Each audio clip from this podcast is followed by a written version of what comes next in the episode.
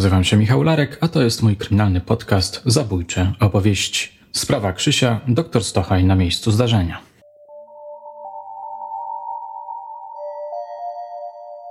Potem taki jeszcze szczegół tam był, jak powiedziałem, bardzo wąsko między tapczanem a ścianką, meblościanką była wąska, no taka wąziutka ścieżka, że tak powiem. Ale dlaczego to zauważyłem, że była wąska? Bo jak przechodziłem, to zawadziłem o uchylone drzwiczki od barku. Automatycznie spojrzałem tam do środka i tam stała butelka alkoholu, napoczętego alkoholu. To nie była pełna butelka.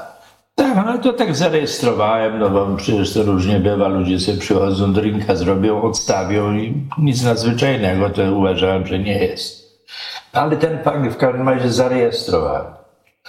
I potem prawdopodobnie, gdy wykonywałem sekcję zwłok, skojarzyłem sobie ten obrazek, że tam stała butelka na poczętej budki.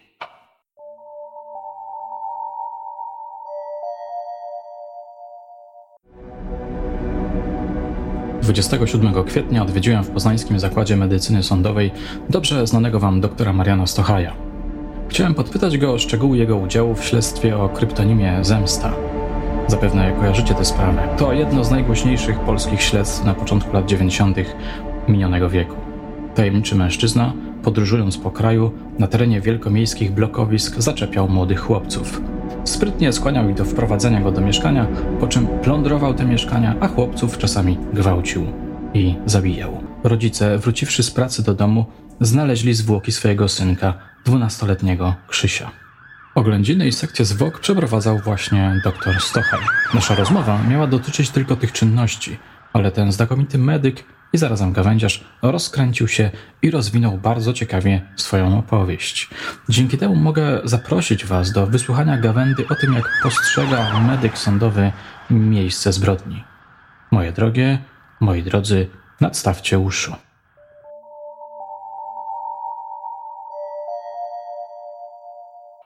Ja to pamiętam, to były godziny popołudniowe, właściwie już późno popołudniowe. Jak zwykle przyjechała, przyjechał radiowóz, jest zabójstwo, no i zawieźli to, to osiedle. Tam już było mnóstwo osób, mnóstwo milicji po prostu. Cała ekipa już była. Która to była godzina, mniej więcej? To tak gdzieś mogło być 18-19, tak, tak, mi się, tak mi się wydaje, że to taka mniej więcej mogła być godzina. No i szaro było w każdym razie. No jak wszedłem do tego mieszkania, jak już mówiłem, było pełno ludzi, między innymi ekipa techników, no i całe prawie dowództwo komendy wojewódzkiej wtedy, między innymi pułkownik Mróz, pamiętam był, naczelnik Wydziału Dochodzeniowego Komendy Wojewódzkiej, był mm, pułkownik Knop, który był zastępcą komendanta wojewódzkiego wtedy milicji, mm, Jurek Jakubowski i tam pozostali policjanci. Przyszedłem do tego mieszkania, to było typowe mieszkanie w bloku, Najpierw korytarzyk i z tego korytarzyka prowadziły drzwi do kuchni, do pokoju i do małego pokoiku po lewej stronie tego korytarzyka. Tam był malutki pokoik. Po prawej stronie tego pokoju, jak wchodziło się z, tych, e, z korytarzyka, na wprost było okno, po prawej stronie był tapczan, czy wersalka, chyba tapczan, a po lewej stronie meblościanka, typowa taka kowalskich meblościan. Mm.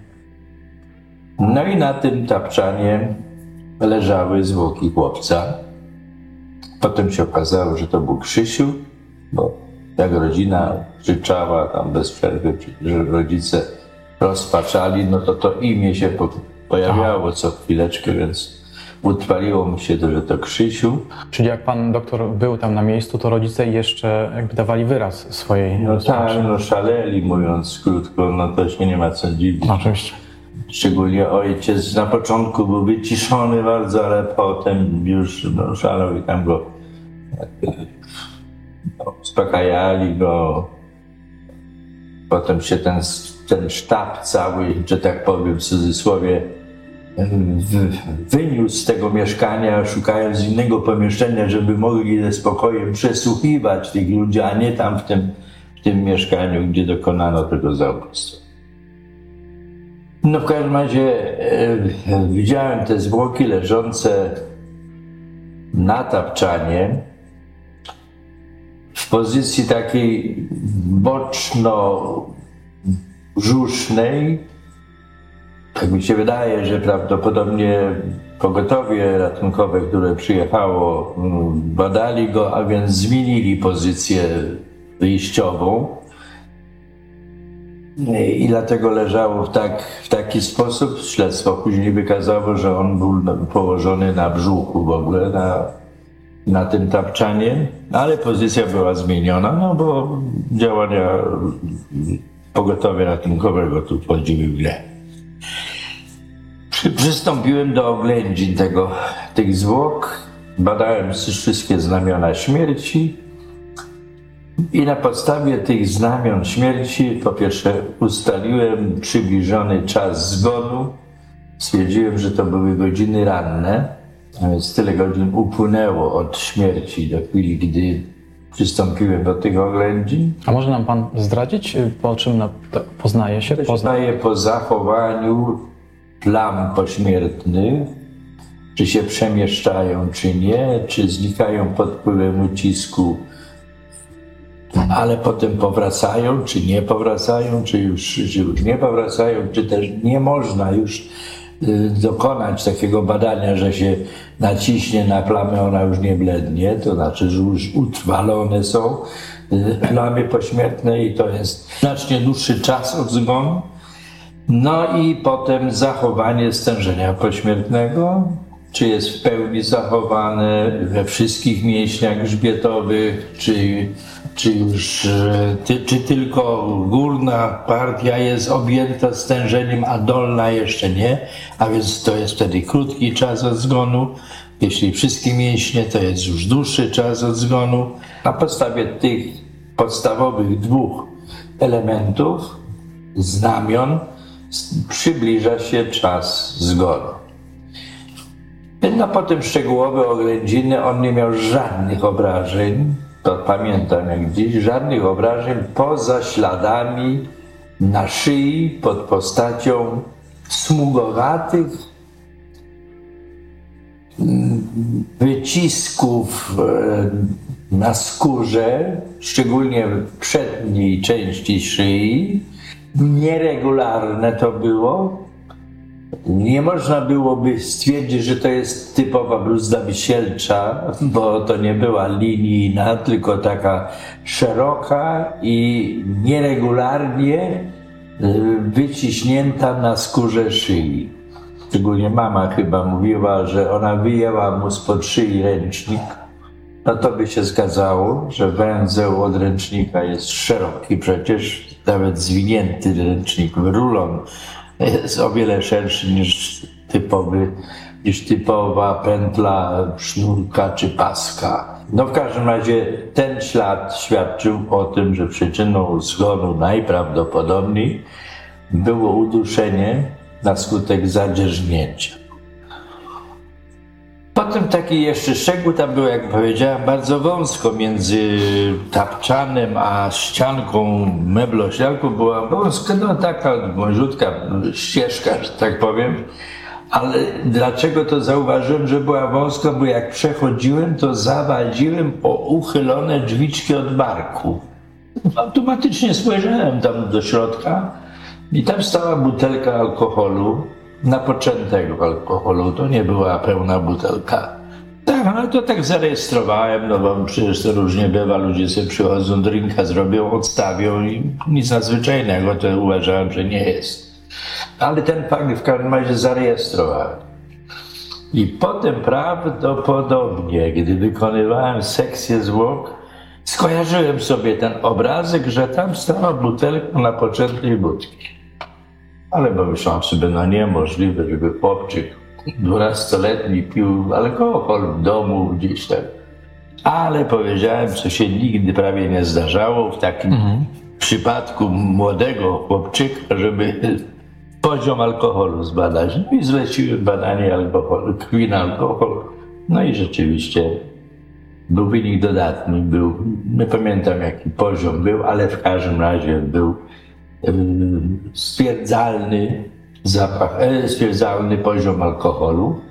Przy czym podczas sekcji zwłok, jeszcze to może mi bardziej e, utwierdziło w podjęciu tej decyzji, że po otwarciu czaszki i wyjmowaniu mózgowia jest taki charakterystyczny zapach, który nie jest typowy dla zapachu mózgu, takiego normalnego mózgu, tylko gdzie ktoś przyjmie jakiś napój bardzo taki aromatyczny jakiś, to, to wtedy tam się ten zapaszek unosi, że tak powiem, nad poziomem mózgowia, jak się otworzy czaszkę. Moi nauczyciele nawet uczyli nas, że po otwarciu sklepienia czaszki, po zdjęciu pokrywy czaszki, należy odchylić się i powąchać ten mózg. Teraz już obecnie asystenci tego, tego nie robią. Chyba, że jest tak ewidentny zapach przy niektórych zatruciach, jak cyjankiem na przykład, no to wtedy ten zapach to na korytarzu nawet się wyczuwa. To jest co innego. No ale to wracając do, do tej kwestii alkoholu, no to rzeczywiście był stwierdzalny poziom alkoholu. Nieduży, nieduży. Natomiast co się tyczy przyczyny zgonu, no ewidentnie były podbiegnięcia krwawe w tkankach miękkich szyi po odpreparowaniu skóry, w przyczepach mięśni i pochyłych szyi i to, i do tego jeszcze też charakterystyczne, że nie były one równolegle i równomiernie rozmieszczone, tylko tak ogniskowo, co świadczyć mogło o tym, że ten ręcznik mógł być narzędziem zadzierzgnięcia. I tu jest ciekawostka taka techniczno-sądowo-lekarska, że gdyby to był ręcznik zwinięty w rulon, ale suchy, nie byłoby tych śladów. Aha. Ale ponieważ i siła ucisku byłaby musiała być znacznie większa niż gdy był on zmoczony. Gdy był zmoczony, to sama ta konsystencja, spoistość tego rulonu mokrego stanowiła groźniejsze narzędzie niż suchy rulon takiego mm, ręcznika, który nie zostawiłby śladów prawdopodobnie. Bo już było wtedy łatwiej było tym ręcznikiem przykryć mu otwory oddechowe. Też nie byłoby śladów, chyba żeby ruszał się bardzo gwałtownie i otarcia na skórka jakieś drobne by były na powierzchni czubka nosa, na wargach. No to, to jedynie takie pośrednie ślady by mogły być ale ruszenie suchym takim rulonem ręcznikowym były, byłoby technicznie trudniej sprawcy, a po drugie mogłoby nie mieć żadnych śladów. W ogóle gdyby to zabrał i schował to narzędzie pod tytułem ręcznik, można by było potem mieć bardzo duże problemy z ustaleniem mechanizmu i przyczyny śmierci. No i to tak mniej więcej wyglądała sytuacja, co się tyczy oględzin tego chłopca i jego, no i jego sekcji zwłok, tyle co, tyle co. Mhm.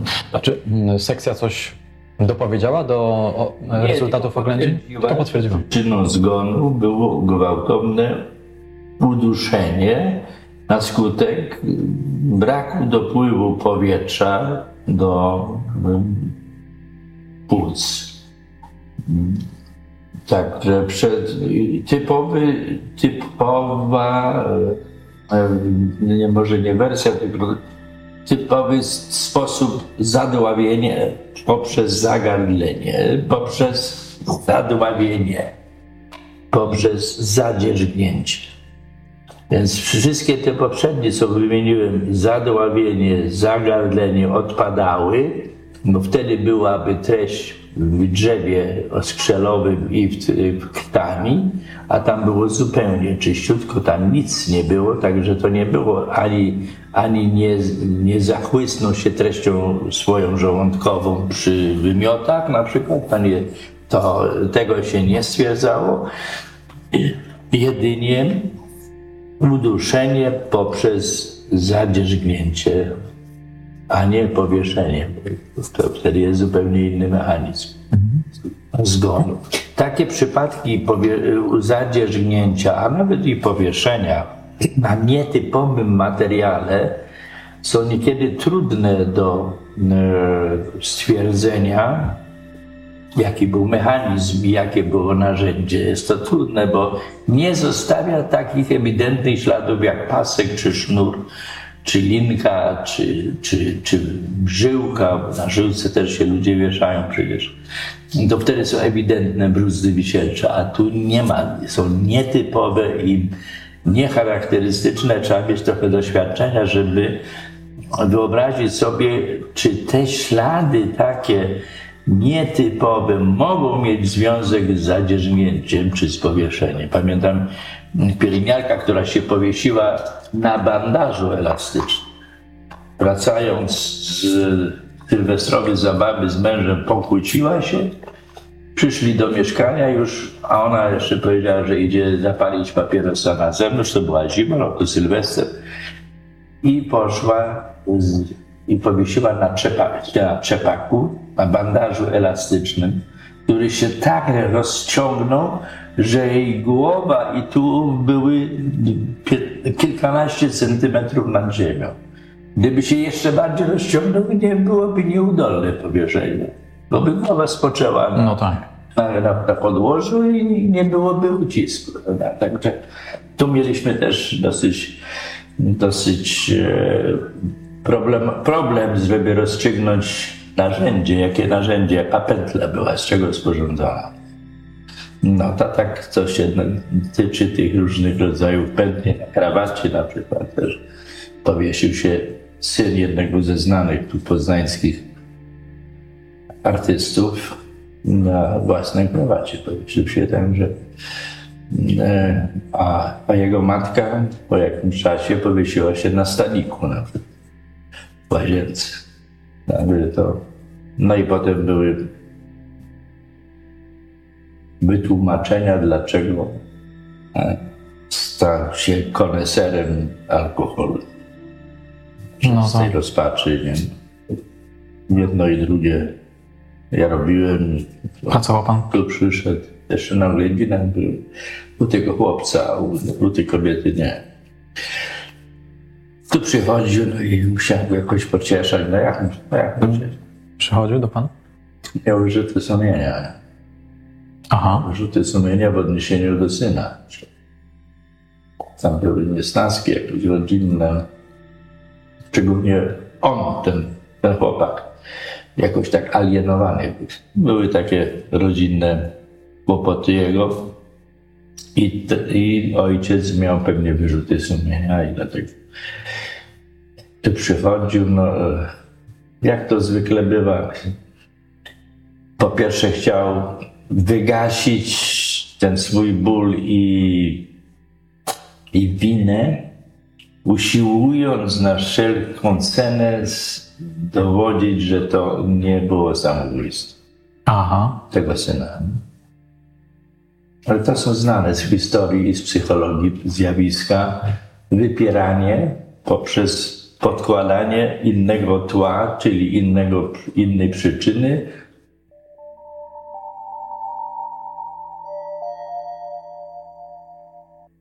tym momencie chciałem wyjaśnić, dlaczego w ogóle postanowiłem porozmawiać z doktorem Stochajem o wycinku sprawy o kryptonimie Zemsta. Otóż dlatego, że przygotowuję obszerny reportaż o niej, zawierający sporo nowości. No i pomyślałem sobie, że doktor powinien się w nim znaleźć. Potraktowałem też to jako rozruch przed naszym wspólnym większym projektem audio. Wróćmy jednak jeszcze do sprawy. Kiedy policjanci kończyli powoli śledztwo, m.in. komisarz Marek Bronicki i nadkomisarz Jerzy Jakubowski zostali wysłani na urlop. I właśnie na urlopach dowiedzieli się, że ich ręcznikowy dusiciel, czyli Tadeusz Kwaśniak, powiesił się w celi aresztu śledczego. Stało się to 24 lipca 1991 roku. Na oględziny martwego kwaśniaka został wezwany dr Stochaj.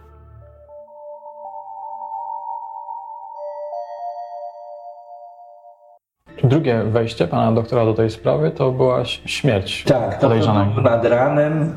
Już byłem tu w zakładzie i dzwonił do mnie, telefonował do mnie prokurator prokuratury Stare Miasto. Ja mówię, na miasto jest mój kumpel, starszy trochę ode mnie był. Jest, on jeszcze żyje zresztą. I mówi, stary, przyjeżdżaj, bo mamy kłopot w celi. Myślałem, że jakieś pobicie, że trzeba zbadać, żeby ocenić kwalifikacje, czy powyżej, gdzieś poniżej, czy... A on pochodzi i mówi, o, wyraził się odpowiednio łacińskim aforyzmem. Na mać się kończyło to, że mówi, chodź zobacz, co się stało w celi. No i, no i zaprowadził do tej celi. No i zwłoki leżały na posadzce celi. W samym środku się wchodziło, drzwi się otworzyło, to prościuteńko w drzwiach leżały zwłoki. Pamiętam jak gdzieś ubrane były w piżamę i skarpetki czy laczki, już coś na, na stopach miał w każdym razie. No i na szyi bandaż elastyczny właśnie, odcięty tak, była pętla normalna i odcięty powyżej tej pętli. Na szczęście tego nie ruszali pewnie, bo, bo po co mają? No i jak to szły po delikatnym zdjęciu, no jest bruzda ewidentnie. No i jest powieszenie. Jak się wchodziło do tej celi, to też jeszcze tak pamiętam, po prawej stronie była e, takie parawanem takim wiszącym na stelażach, zasłona dla intymnych nie wiem, łazienka, i kacja i, i, i umywalka. I na tym rusztowaniu tego, tego, tego, tej zasłony tam była przyczepiona reszta tej em, pętli zielczej, czyli w tym miejscu się powiesił prawdopodobnie za zasłoną, prawdopodobnie. No ale być może, że gdy były drgawki pośmiertne, w momencie śmierci, rozkołysał, czy nogami za, i to się przesunęło, także ten, co wszedł do tej celi, ten e, profos, jak to tam się nazywa, widział już sylwetkę wiszącego człowieka. Wszystkich zainteresowanych tą historią odsyłam do moich podcastów, mam ich kilka na kanale i jednocześnie zapraszam do oczekiwania na moją najnowszą trukrajmową książkę, która jest już na ukończeniu. O szczegółach będę Was informował. A na dzisiaj to wszystko. Dziękuję Wam za uwagę. Do usłyszenia już niebawem.